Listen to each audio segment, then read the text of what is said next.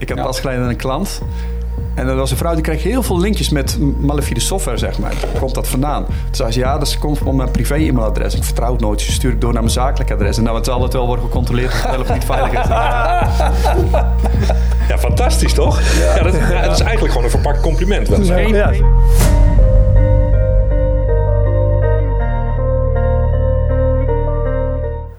Oké, nou eh, welkom. Leuk dat je luistert naar de podcast Security met Conclusion. Podcastserie waarin eh, security experts in gesprek gaan over hoe zij veilig werken binnen hun eh, organisatie. Nou, hoe maak je een werkplek nou eigenlijk veilig? Hoe maak je hem werkbaar? Hoe ondersteun je medewerkers optimaal in hun behoeftes?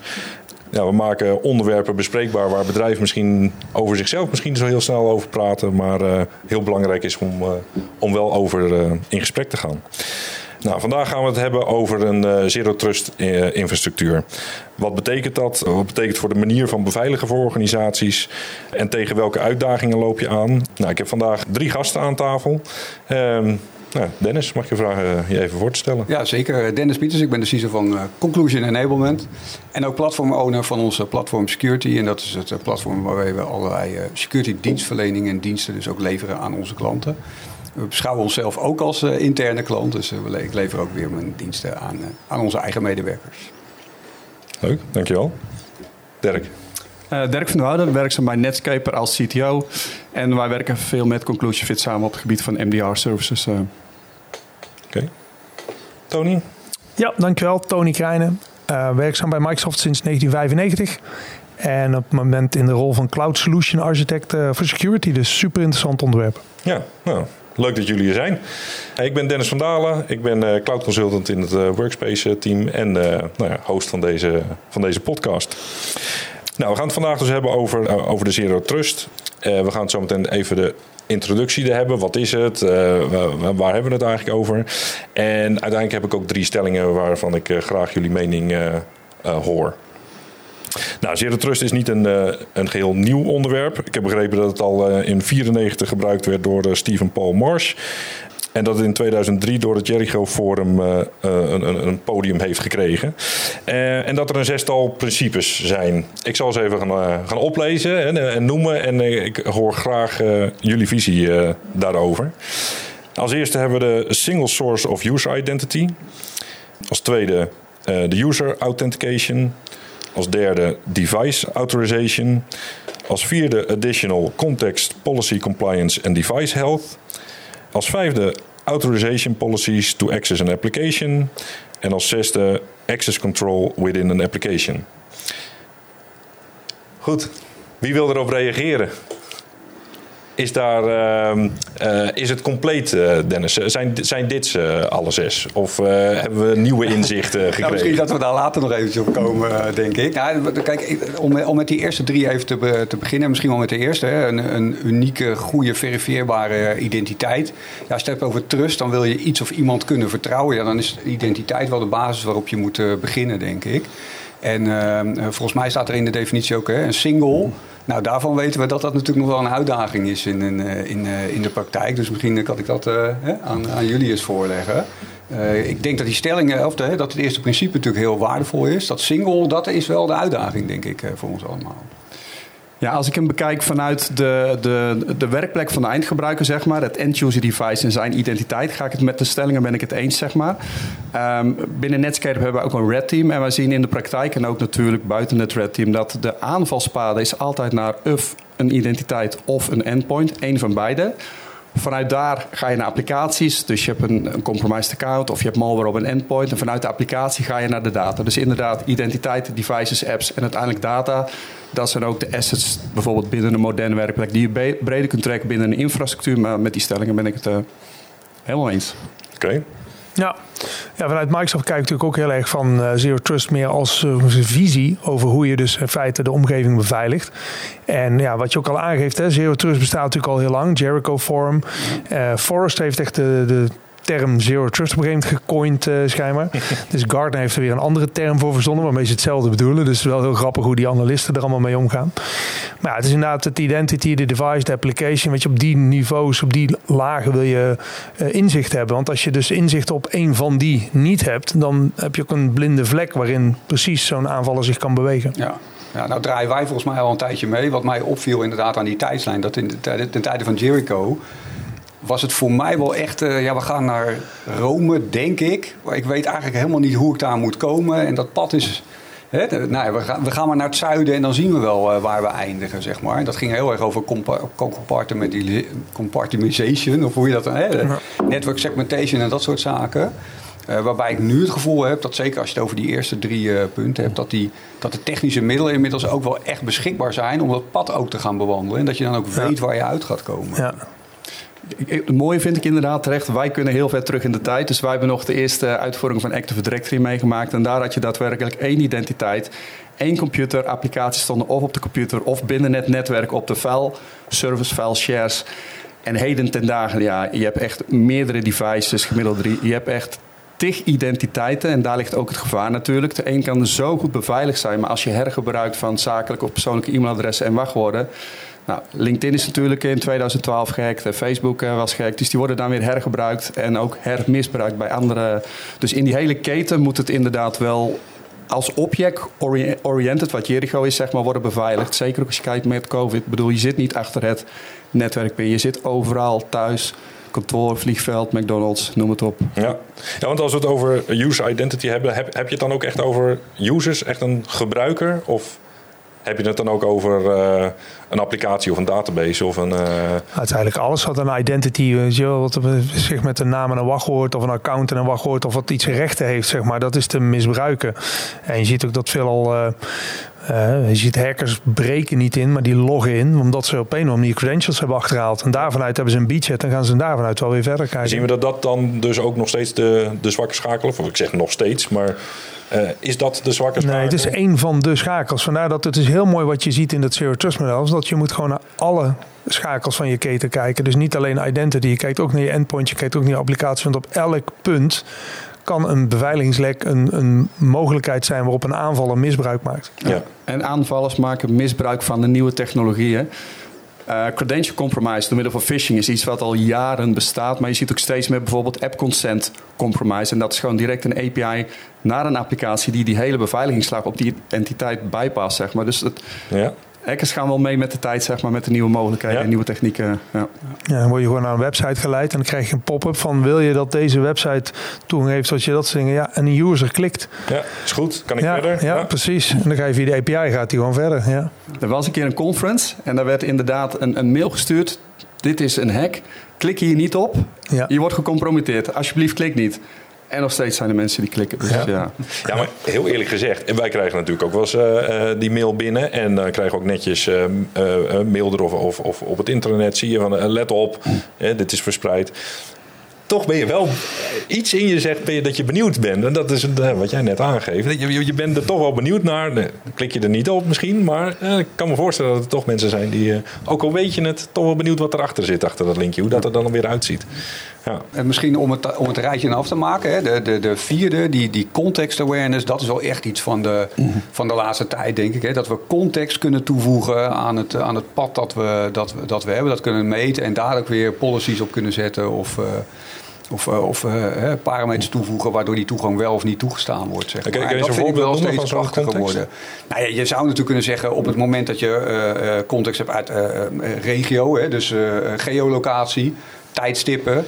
En in dit geval, hè, in, in het Zero Trust principe, zit natuurlijk ook het pad dat je doorloopt. Dus welk device gebruik je op welke tijd. Welke browser zit daar misschien wel aan vastgeknoopt. En daar kun je natuurlijk correlatie op doen. En zeggen, ja, dit is abnormaal afwijkend van wat jij normaal hebt. En als je, als je dat hebt, vragen we je om nog een keer bijvoorbeeld je identiteit te bevestigen. Dus dan ga je eigenlijk weer twee stappen terug in die keten.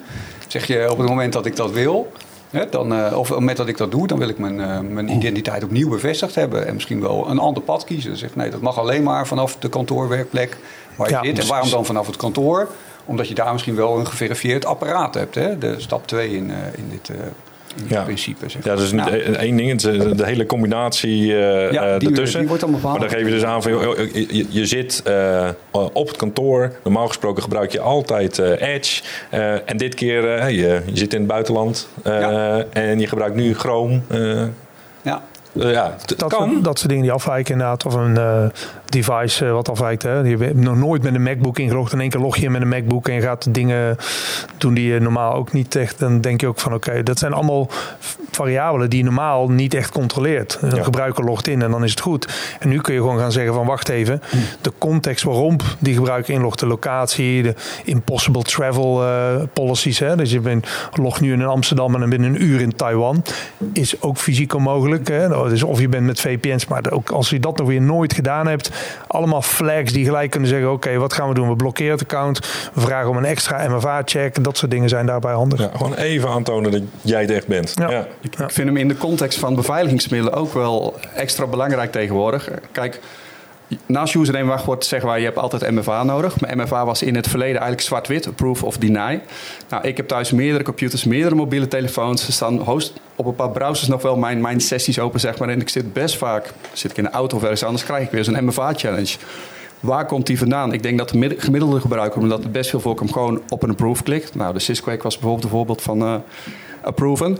Maar tegenwoordig kun je zeg maar context meegeven aan de MFA-challenge. Dus je kunt zien welke applicatie triggert het, welke locaties, waar komt het vandaan. Zeker als je passwordless gaat, wat bijvoorbeeld nu met Outlook.com is. Ja, als ik iets vanuit Noord-Korea zie of Zuid-Korea, denk ik, nou, toch Ja. maar even denyen. Ja. Maar dat is wel een, een. Je ziet ook dat context nu in de beveiligingsmaatregelen wordt opgenomen. Wat weer een stukje veiliger maakt dan dat het eh, voorheen was. Ja. Ja. Vind ik een heel mooie eh, oplossing wat ze nu doen met die eh, authenticator bijvoorbeeld.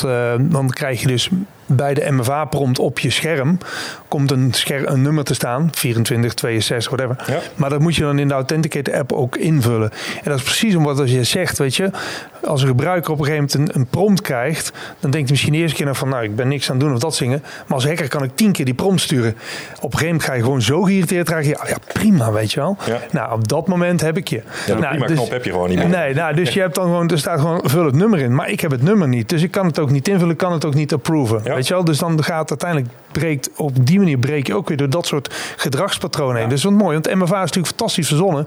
hey, we doen even een two-factor authentication. Dus hè, als je dus iets krijgt waarvan je denkt, dat ben ik niet aan het doen. Maar ja, uiteindelijk als ik maar tien keer verstuur, dan doe je het wel. Dus dan breekt ook weer dat, weer Ja. de gebruiker, wordt het uiteindelijk weer eh, om, om zeep geholpen.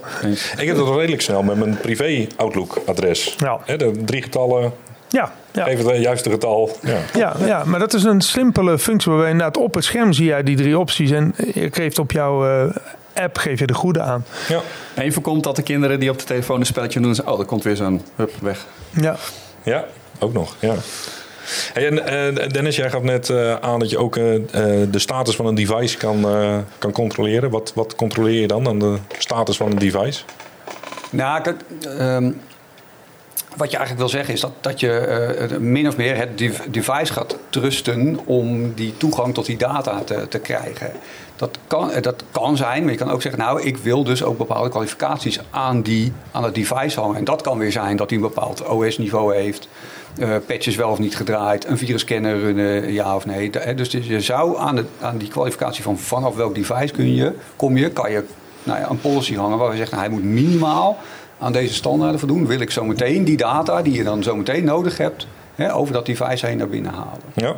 Ja, en dat kan bijvoorbeeld ook het soort device zijn. Dus zeg nou, dit is financieel zo'n gevoelig eh, stukje waar je zo meteen bij gaat komen. Daar wil ik, daarvan wil ik niet dat je dat op je mobiel doet. En dat kan alleen maar van een eh, laptop met een certificaat van ons bedrijf. ja.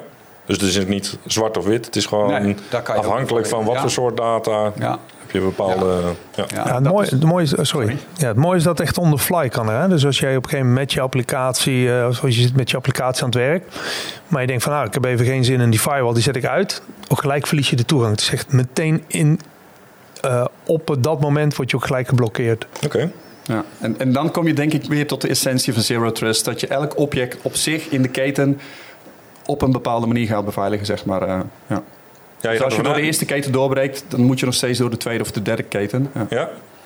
En dan kan je dus ook nog configureren van oké, eh, als ik het al enigszins uh, een red flag komt, ja, bewijs nog even dat jij het bent. Of, of bij bepaalde data, het mag sowieso niet. Nou ja, dat, is eigenlijk dat stukje trust, dat je dan weer terugventileert van de data. Hè. Wanneer vertrouw ik iemand of iets of een pad in dermate dat ik die data wil vrijgeven. Ja. En dat trust level bepaalt uiteindelijk wat voor veiligheidsmaatregelen we nemen. Je kan ook altijd zeggen, ik wil helemaal geen veiligheidsmaatregelen. Ja, dat is ook een goed... Hè? Moet, trust everyone, ja. Misschien een kleine aanvulling erop. Kijk, we hebben natuurlijk over identiteiten kunnen worden gecompromitteerd, uh, werkplekken kunnen worden gecompromitteerd. Uiteindelijk kom je dan bij applicaties via een van die twee methodieken. Ik vind wel mooi dat je tegenwoordig ook de data op zich kunt beveiligen met producten van Microsoft, zoals Microsoft Information Protection. Dat zelfs al staat die data op, op een box of ergens op een willekeurige noem het maar iets op het internet, dan nog steeds als je die gevoelige data wil openen, komt hij weer met die authenticatie van de eindgebruikers die recht hebben om dat document te mogen. Hm. Dus het is toch wel in de keten, zeg maar. Uh... Dus als ik een Word-document uh, uh, pak, ik geef aan, dit is voor intern gebruik, ik zet het op een USB-stick, ik ga naar een PC zonder internet of iets, ik steek die USB-stick erin, krijg je alsnog kom je er niet in. Ja, klopt. Ik denk dat dat heel belangrijk is. Ik denk dat als je kijkt voor de klanten, is dit gewoon de meest simpelste low-hanging fruit om met je beveiliging te beginnen. Begin bij je data. Zorg ervoor dat je inderdaad je data klassificeert. En aan de hand van die klassificatie dat je daarop gewoon zo'n rights management op zet. Want ook al word je dan op een gegeven moment uh, gehackt, wordt er ingebroken, iemand kopieert al je data. Ja, we gaan al je, al je data vrijgeven op internet. Joh, doe je ding. Veel succes. Het is allemaal encrypted. Dus als iemand erbij wil, als hij het wil openen, wordt er gewoon gevraagd om wie ben je. Ja. En daar heb je geen antwoord op. Dus ja.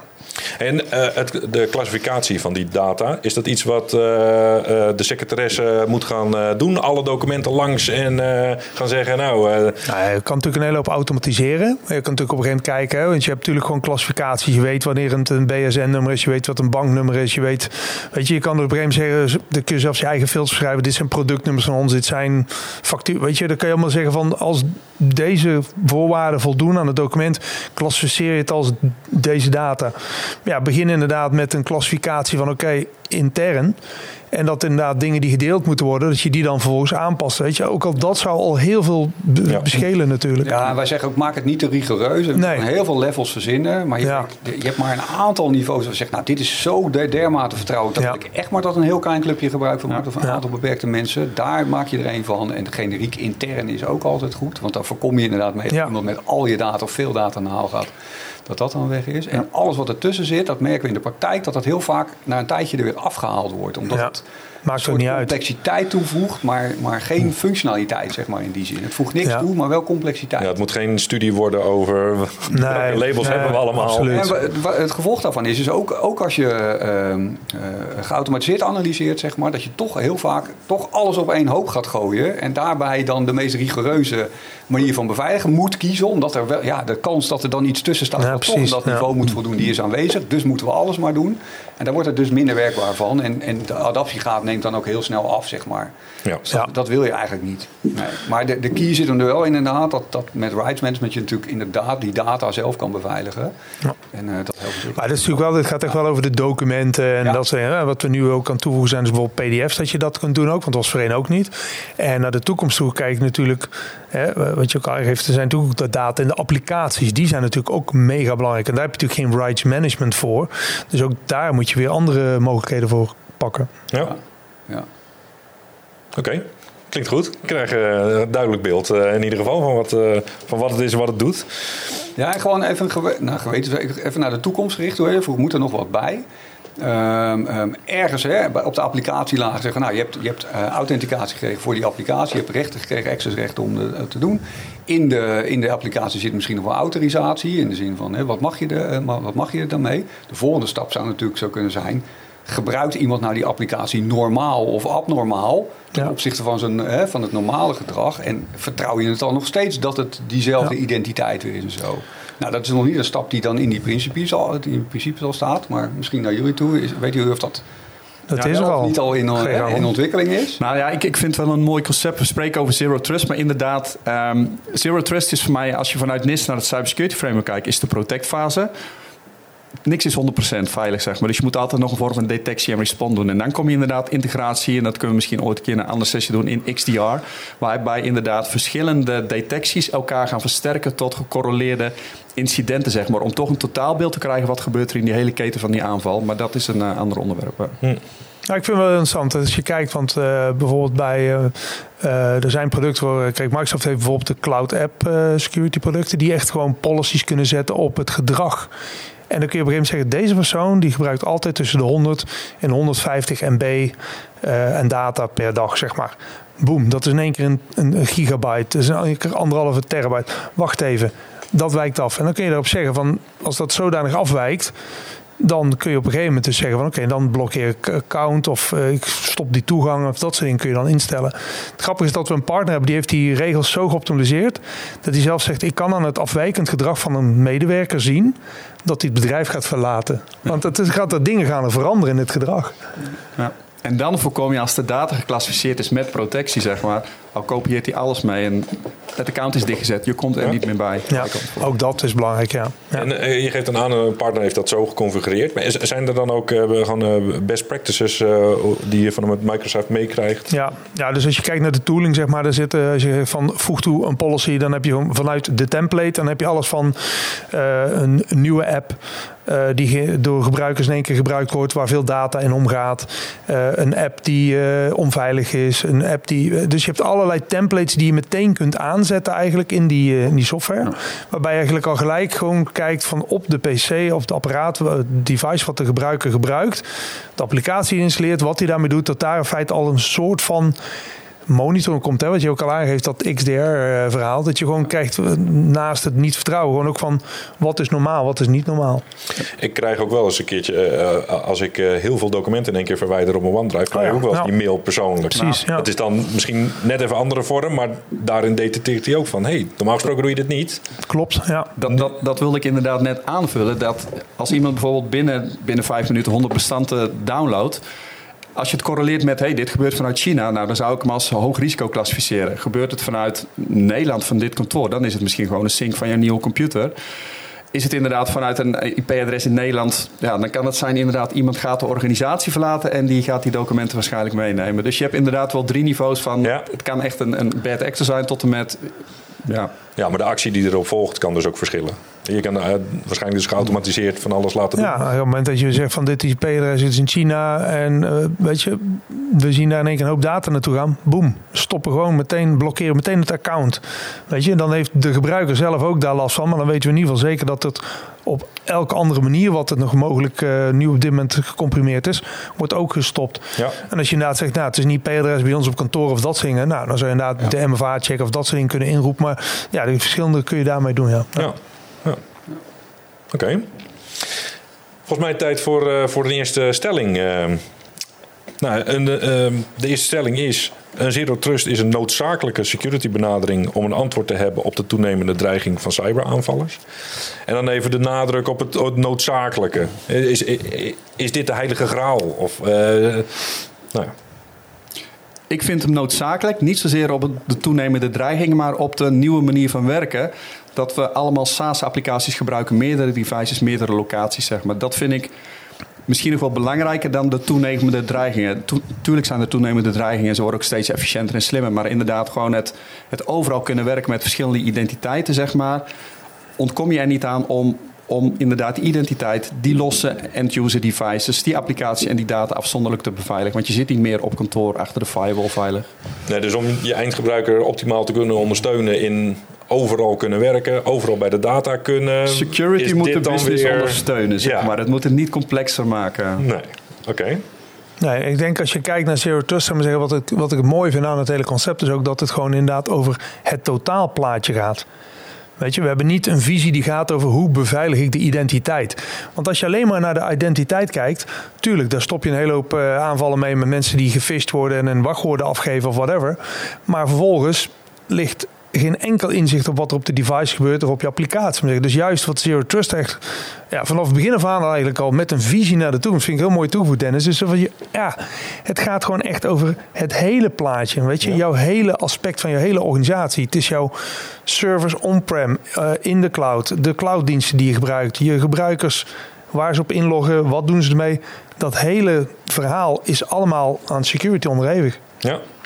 En want het is natuurlijk een, een, een dus we net al genoemd, een oud principe misschien, maar uh, het naar de cloud gaan heeft natuurlijk wel het een en ander veranderd of belangrijker gemaakt? Of het, het altijd overal werken? Ik bedoel, uh, dat, dat is wel iets ook van, uh, van de laatste tijd. Ja, wat, het, wat het voor mij heeft veranderd, dat heel veel van de beveiligingsmaatregelen die ik vroeger nog kon nemen, en die zitten bijvoorbeeld alleen al in het fysieke domein, hè, het feit dat we hier naar binnen komen, uh, naar deze studio in een, met, met, een, met een toegangspas, et cetera, et cetera. Ja, dat geldt natuurlijk niet meer in, de, in, in die nieuwe wereld, als het om ontsluiten van die data gaat.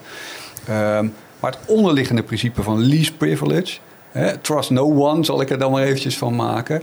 Ja, als je dat maar goed door, doorvoert, ook in die nieuwe omgevingen hè, en uh, met die principes in hand, ja, dan, dan blijft dat heel goed werken en voegt het misschien zelfs wel iets toe. Ja. ja. Ik, vind het wel leuk. Ik, uh, als je naar Active Directory kijkt en we doen een analyse of een assessment en dan gaan we kijken van hey, al jouw service accounts zijn domain admin. Waarom? Ja, dan werkt het in ieder geval. Ik zie, ik zie tegenwoordig, als we een assessment doen op Azure Active Directory, dan zie je inderdaad, hey, je gaat user accounts nu zinken, die lopen te mailen en te surfen en die maak je in één keer global administrator. Uh, zijn jouw security policies die je on-premise wel goed hebt toegepast? Waarom voer je die niet door in de cloud, zeg maar? Dus ik merk nog wel dat daar nog wel werk te verrichten is. Oké, okay, ja. Ja. Oké. Okay. Um, nou, dankjewel. Dan gaan we door naar uh, stelling 2. Uh, Zero Trust komt de gebruikerservaring niet ten goede. Heeft de gebruiker hier last van? En last is natuurlijk misschien wat relatief. Nou, misschien moeten we het omdraaien. Hoeveel last hebben we wel niet van die gebruiker?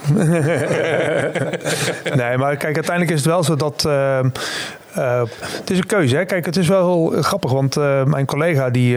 bij Microsoft die een tijd geleden begon, die zei van ja, ik was heel verbaasd, want ik ging bij Microsoft werken als security expert, kreeg een laptop van Microsoft en ik was administrator op die laptop. Ik kon er alles op doen. En toen dacht ik echt van wauw, dat is echt wel heel uh, uniek. Want dat heb ik bij geen ander bedrijf gehad. Werd ik altijd gelimiteerd. En toen zei hij op een gegeven moment ook van ja, waarom word ik niet gelimiteerd? Zeg ja, nou wij proberen gewoon echt het op andere niveaus op te pakken. Wat jij op dat apparaat doet, weet je, die vrijheid willen we jou geven. Maar goed, hij uh, was even bezig met een uh, testje, was wat credentials hacks aan het uitproberen. Dus hij had zijn Nimi-cats op zijn VM gedraaid.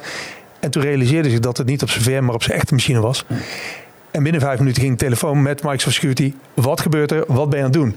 Dat is wat je wil. Ja. Dus wel de vrijheid hebben, maar ook wel de inzichten van als er dan iets gebeurt van uh, klopt dit, wat, wat is dat normaal gebruik? Ja, dus in deze heeft de gebruiker zelfs juist meer vrijheid. Ja, ja bij ons wel. Ja, bij ja. ons wel. Kijk, want je hebt alle flexibiliteit om de programma's te installeren waar je mee wil werken, de dingen die je. Weet je, dus dat geeft je inderdaad geen beperkingen.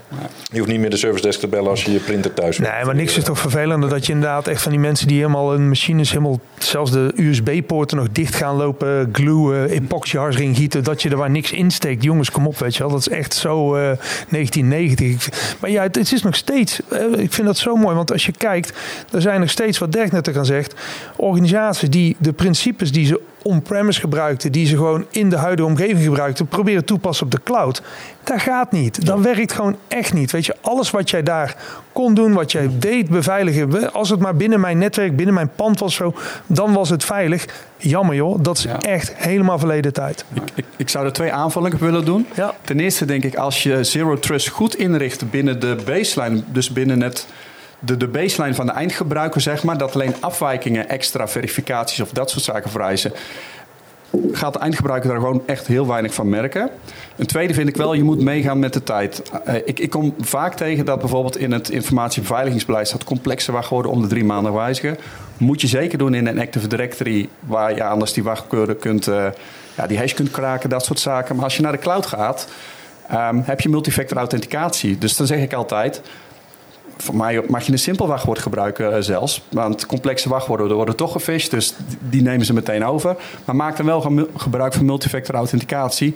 Plus, als jij een, ziet dat de gebruiker gecompromitteerd is, en dat is een van de features, is bijvoorbeeld leak credentials, ja, dan moet jij wel verplicht het wachtwoord wijzigen. Dus je merkt met de moderne manier van authenticeren dat het oude beleid zeg maar, er ook op moet worden aangepast. Want als je gaat forceren complexe wachtwoorden in de cloud elke maand wijzigen, ondanks dat ik MFA heb, ja, men gaat ze opschrijven. Dus het werkt weer contraproductief dan. Ja, Maar dat is wel interessant, hè? want het is, dit is eigenlijk andersom. Hiermee, ik hoor alleen maar vrijheden die, je die je krijgt. Tuurlijk Ja. heb je dus wel een MFA-prompt die erbij eh, komt. Ehm, maar ook dat wordt steeds makkelijker eh, gemaakt. Tegenwoordig doe ik hem op mijn horloge, de, de, de, de goedkeuring, zeg maar. Ja, en wat ik ook merk is dat, ik zie het maar, ik ik neem altijd de evolutie van de auto een beetje mee. Hè. Als je nu nog een auto hebt waar niet ABS in zit of zo, of geen airbags, dat voelt minder goed dan dat het wel is. En dat is met, met, met waar we nu naartoe gaan met de technologie ook wel zo. Dus je- de gebruikers en, en ik ook hebben wel het gevoel van... hé, hey, ik word goed beschermd, want hè, mijn data wordt goed beschermd... mijn bedrijf wordt goed beschermd, want deze features krijg ik allemaal aangeboden. En features kan dan ook inderdaad zijn...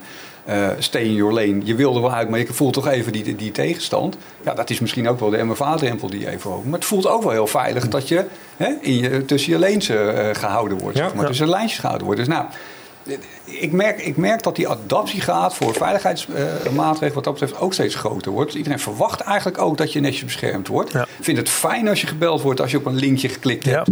En, eh, en achteraf denkt, was dat nou... Oh, en iemand zegt, joh, ik heb even voor je gekeken en eh, hè, eh, we gaan wel of niet je account blokkeren, want er is echt iets ernstigs gebeurd. Nou, dat Ja. voelt ook wel goed. Ja, Dus in die zin denk ik dat die adaptiegraad juist aan het toenemen is. Ik heb Ja. pas geleden een klant. En er was een vrouw die kreeg heel veel linkjes met malafide software, zeg maar. Waar komt dat vandaan? Toen zei ze, ja, dat komt van mijn privé-e-mailadres. Ik vertrouw het nooit. Dus stuur ik door naar mijn zakelijk adres. En nou, het zal het wel worden gecontroleerd of het wel of niet veilig is. Ja, ja fantastisch toch? Ja. dat, is, dat is eigenlijk gewoon een verpakt compliment. Wel. Eén Ja, is heel goed. voor de luisteraars, maar het is Dit is wel een goede. ja, ja. dus niet Bedankt doen. voor de- Thuis niet proberen. Nee. Nee, nee, maar het is wel gewoon een compliment. Ik bedoel, dat, dat- diegene heeft dus echt het gevoel van ik word, word ondersteund, ik word, eh, word geholpen. Ja. Dan is die misschien juist wel andersom. Ik bedoel, het eh, komt niet ten goede, misschien komt het juist dus wel ten goede.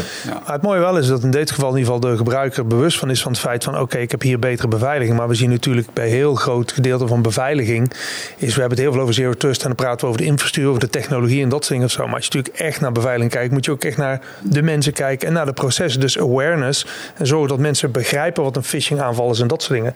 En een mooi voorbeeld daarvan is, is dat je in de eh, in veel eh, eh, bijvoorbeeld in de software van eh, eh, Defender for Office 365 bijvoorbeeld, kan je dus een phishing aanval doen naar je eigen bedrijf toe. eh, als test. Ja. En dan kun je dus een logo in plakken van een leverancier waarmee je werkt. Kan je de teksten, er zitten Nederlandse teksten zelfs in. Van eh, hier is de laatste factuur, weet je. Kunnen we die even, eh, daar klopt iets niet mee, kun je die even bekijken. Ja. En even laten weten wat er mis mee is. En als je daar dus dan inderdaad dubbelklikt op het document. Dan komt er ook een webpagina die zegt van nou, eh, helaas, we zijn alleen maar menselijk. Dat geeft niet, maar je bent zojuist wel in de phishing aanval van die teleafdeling van uw organisatie eh, Ja. gevallen. En eh, de volgende e-mail is dan natuurlijk ook van u heeft nieuwe verplichte training. Dat, Ja, ja, ja. Maar, maar Ja, dat soort dus awareness. Dus Ja. mensen is belangrijk en de processen daaromtrent. hè. Want ook als iemand bij jou belt en zegt van ja, luister, jullie hebben een beveiligingslek. En iemand zegt van ja, dat is helemaal niet waar. Ja, dat is niet de goede respons, weet je wel. Je moet weten, als er zoiets binnenkomt in je organisatie, waar dat naartoe moet. En ook Ja. die dingen zijn heel belangrijk als je echt naar een goede beveiliging voor je organisatie wil gaan. Oké, mooi, leuk. Ik heb nog een derde stelling. Eh, Zero Trust is niet een security oplossing, het is een nieuwe manier van denken. Nou, we zijn in ieder geval eens dat het geen nieuwe manier is, want hij is al heel oud. Hè? Dus, ehm, maar het is inderdaad wel een, een andere. Het is een manier die je tot het, tot het denken zet over van hoe ga ik het toepassen op de nieuwe wereld. Hm.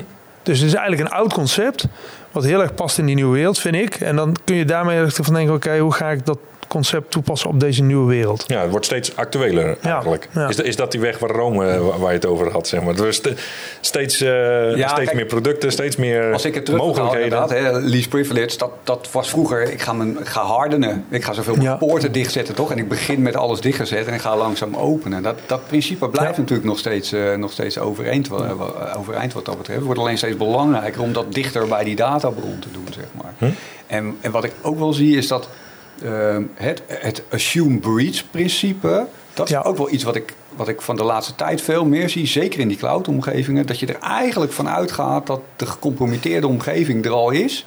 Wat zou je dan nog kunnen doen en wat moet je doen om dat te voorkomen? Ja. Maar Ja. vergelijk dat wel eens met een, eh, eh, met een, eh, een chemische fabriek, de proces daarin. Hè, de engineers, als ze beginnen met designen, dan maken ze natuurlijk de happy flow. Dus het product stroomt van A naar B.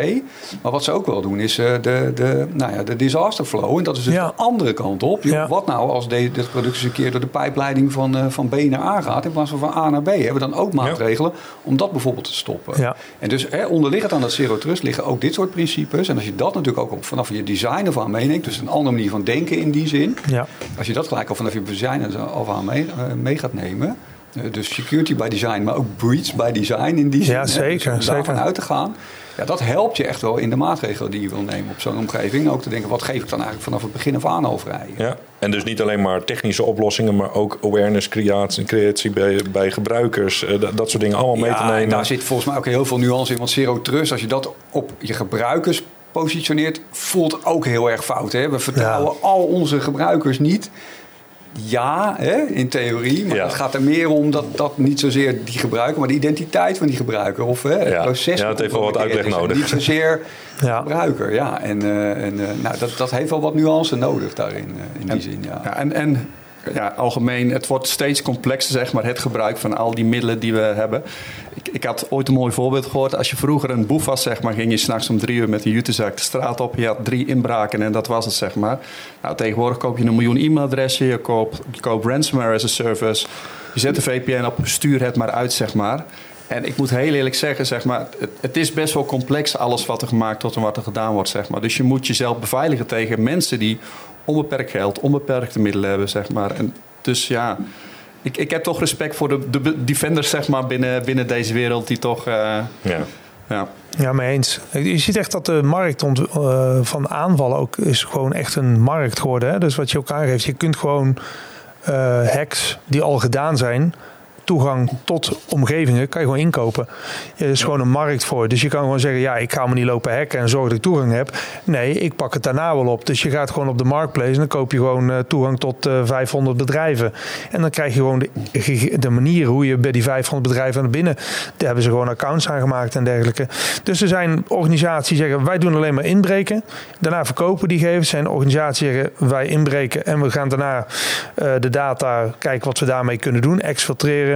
Eh encrypten gebeurt ook vaak al niet eens meer. Hè? Wat je ziet is dat de aanval is van ik ben binnen, ik haal al je data weg. En in plaats van dat ik het allemaal ga encrypten en allemaal moeilijk ga doen, probeer je backups. Zeg je gewoon, wil je het op internet hebben of niet? Dat is een prijs, weet je. Ja. En uiteindelijk zijn organisaties inderdaad echt de hele encryptie gaan doen en dat soort dingen. Kijk, en met bijvoorbeeld Assume Breach, één heel belangrijk ding inderdaad bij Assume Breach is gewoon van, hoe zijn je backups geregeld? Dat is het meest saaie onderwerp, het meest vervelende onderwerp voor een IT is van, hoe is mijn backup, weet je wel? Maar er zijn situaties geweest, als je naar die eh, eh, postmortem analyses kijkt van die hacks en zo, ook dat op een gegeven moment mensen gewoon, ja, de backups waren dus ook encrypted, want die testen ze wel, maar die testen ze op een machine dat geïnfecteerd was. Dus met de crypto eh, driver daartussenin. Dus je moet een backup maken en die moet je vervolgens testen op een airgap clean installed machine. En dan kijken of je dan nog steeds je data hebt. Nou, dat soort dingen moet je bij Assume Breach ook allemaal inrichten. Dus Ja. de maat van complexiteit neemt door. Ik had wel iets, iets leuks vernomen, inderdaad, dat, dat de, de service desk van die ransomware providers soms beter zijn dan Ja. binnen het bedrijf zelf. eh. Ja. Ja. ja, je krijgt echt een e-mail met een helpdesk nummer. Hè? Dat is echt bizar gewoon. Je krijgt Ja. gewoon, eh, sorry, u bent gehackt. Eh, dit is het telefoonnummer. De- u moet zoveel bitcoin overmaken. Dit is het telefoonnummer, kunt u bellen. En dan kunt u, eh, kunt u daar, eh, helpen wij u om dat over te maken. Ja. Ja, toch, ja, ik, ik lach erbij, maar het voelt ook een beetje vreemd. Hè? Dat is heel raar. Het is ja, heel raar. Raar dat je zo'n hele menukaart hebt eh over een onderwerp. Ja. Nou, ik zou je nog sterker vertellen. Ik had laatst een post gezien op LinkedIn. Dat een persoon had dus eh, via de post een Office pakket gekregen. Office Professional. Helemaal compleet. De Microsoft verpakking. Een USB-stick en dat zingen. Stopt de USB-stick in zijn computer. Malware. Compleet nagemaakt Office pakket. Dus nu bellen ze niet meer van... Hallo, dit is de Microsoft Helpdesk. Nee, nu sturen ze gewoon een pakket naar je toe. Dan denk je, hé, te gek. Zal verkeerd zijn. Maar we proberen hem. Tada, Ja. bedankt. Dan kan je een awareness training Ja, in hoef je- hoef Dat je- eh, zou ik ook niet verwachten. Nee. Elders met Stuxnet inderdaad. Laat maar USB-sticks rondslingeren. Ja. Iedereen stopt hem in zijn computer. Ja. Ja? Ja. Ja. Oké, Goede nou, test eh, voor hier. hè? nou inderdaad. Ja, nou, ja. Ehm, Maar gelukkig zien we die niet zoveel meer. Nee, hè? nee USB-stick zie je niet veel meer. Nee, nee, nee. Ja, kijk, wat wij zien wel bij klanten is natuurlijk weer heel veel cloud-transformatie doen. En dat dat ook het moment is waarop je Zero Trust gaat toepassen. Hè, of hernieuwd zal ik maar zeggen. Ja, we hadden vroeger hardening, maar ja, we, we hebben ook onze lifecycle management niet altijd op orde.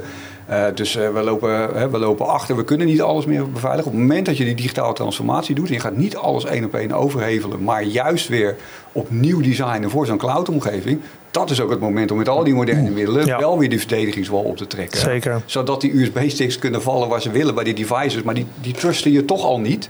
Ja. Hè? Dus uh, de, de, toegang tot je data is dan in ieder geval niet gecompromitteerd. Nou, misschien ja. wel de toegang, maar niet uh, de autorisatie. Een mooi moment om te combineren. En, ja, en, en dat is ook het moment waarop je al die nieuwe principes heel goed kan toepassen, inclusief alle alle policies die je daarop wil zetten, of gedragsachtige achtige zaken, correlatie. Ja. Uh, en daar wordt het opeens wel weer heel krachtig van natuurlijk. Uh, dus dat is een mooi moment, zeggen wij altijd. Ja, dus op het moment dat je die digitale transformatie in zit, pak dan ook dit zero trust principe, pas dat toe.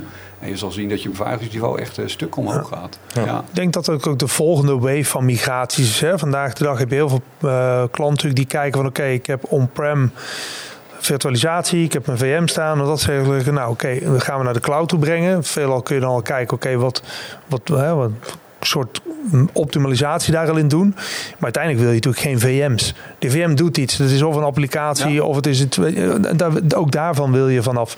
En als je daar natuurlijk naartoe gaat, dan heb je ook daarmee beperk je weer het risico van zo'n uh, van zo'n cloud implementatie. Ja, dus niet uh, klakloos van de ene naar de andere kant. Absoluut is, uh, niet. Ook gewoon nee. analyse. Wat, wat, doet die VM? Ja. Weet je, nou, dat draait een applicatie op. Oké, okay, nou die applicatie is nu of SaaS.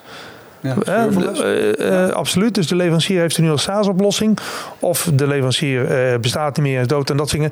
Maar hoeveel is je dan nog nodig voor een bepaald proces? En hoe kun je het al oplossen met low-code, no-code oplossingen? Want ja. vaak zie je al dat het een applicatie een bepaald proces ondersteunt. Maar het is geen hele ingewikkelde of uitgebreide applicatie. Nee. Of het is een koppeling met iets waar het voor nodig is. Zeg maar. Dat draait allemaal op een VM.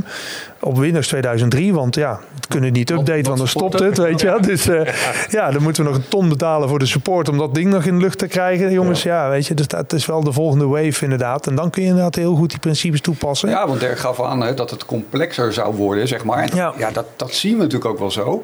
Uh, aan de andere kant, heel veel van de complexiteit wordt ook weggenomen. Hè. Het netwerk wordt opeens heel eenduidig, want dat is gewoon het internet, de internettoegang zeg maar, die je ja. hebt. Waar het vandaan komt, maakt je eigenlijk niet meer zo uit. Dus nee. de waar je vroeger natuurlijk heel veel maatregelen moest zetten, kun je gewoon weglaten, zeg maar. Ja. Um, en, en, en, op het moment dat je serverless gaat, ook die ja. hele infrastructuur die ja, heerlijk. zit, is ook gewoon Dus al die aanvalsvectoren die je ooit had, die zijn ook wel verdwenen. Dus misschien kun je zelf wel zeggen, als je het heel goed transformeert, ja. worden de mogelijkheden om security toe te passen groter, hè, met alle middelen ja. die we inmiddels hebben. Um, onafhankelijk van welke cloud-omgeving er is, want er is zoveel te doen en zoveel te krijgen. Zeker, ja. En, en die onderlaag wordt er onderuit gehaald, dus het aantal aanvalsvectoren wordt gewoon verminderd. Nou, dat is ook wel mooi. Ja. ja. Ik, ik, vind wel, zeg maar, dat je, ondanks dat je Zero Trust toepast, wel ook even denkt aan de, de eenvoud, zeg maar. Wat bedoel ik daarmee? Ga proberen jouw identiteit terug te brengen naar één. Dus inderdaad, jouw Active Directory die je synchroniseert met Azure Active Directory, probeer vanuit daaruit te authenticeren. Ook met andere applicaties die on-premise draaien of via andere SaaS-diensten. Waarom? Dan kan ik namelijk de beveiliging via Conditional Access, MFA, dat soort zaken, kan ik via die ene identiteit gaan gebruiken. Ik hoef detectie en preventie en response zeg maar, op dat ene identiteit te doen. Ja. In plaats van de wildgroen aan identiteiten op, weet ik het, Salesforce, GitHub, uh, LinkedIn, noem het maar op. Zeg maar. Dus probeer ja. wel terug te gaan naar de basis zover mogelijk. Ja. ja. Zoveel mogelijk eenv eenvoudiger maken. Ja. Nou, cirkeltje rond, want daar begonnen we mee. Nou, inderdaad. Ja, zeg. ja. Oké. Okay. Het lijkt wel gescript. Oké, okay, nou ik wil jullie in ieder geval heel hartelijk bedanken. Ik heb echt heel veel, uh, veel geleerd en ik vond het ook echt uh, heel erg leuk uh, om zo in gesprek te zijn. Dit was de eerste aflevering van Security met Conclusion. Ik hoop dat we de luisteraars hebben kunnen inspireren over dit onderwerp. En nou, ik zou zeggen tot, tot de volgende aflevering. Ja, zeker. Bedankt. Dankjewel. Dankjewel.